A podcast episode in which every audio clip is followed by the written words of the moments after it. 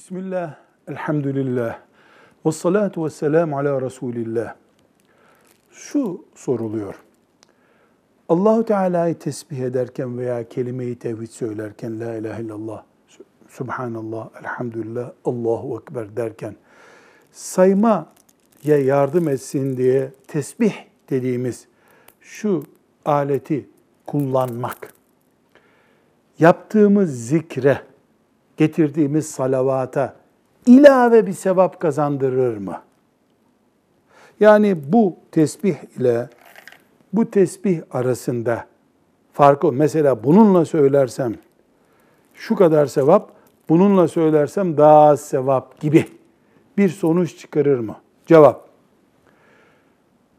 Kelime-i tevhid getirirken, salavat getirirken, tesbihat yaparken kalpteki ihlas, dildeki huşu, ahenk sevabı artırır veya düşürür. Bu aletler saymamıza yardım eder, sevap kalitesine yardım etmez. Ashab-ı kiramın bilmediği şeylerdi bunlar.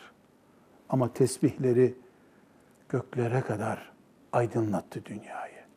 Velhamdülillahi Rabbil Alemin.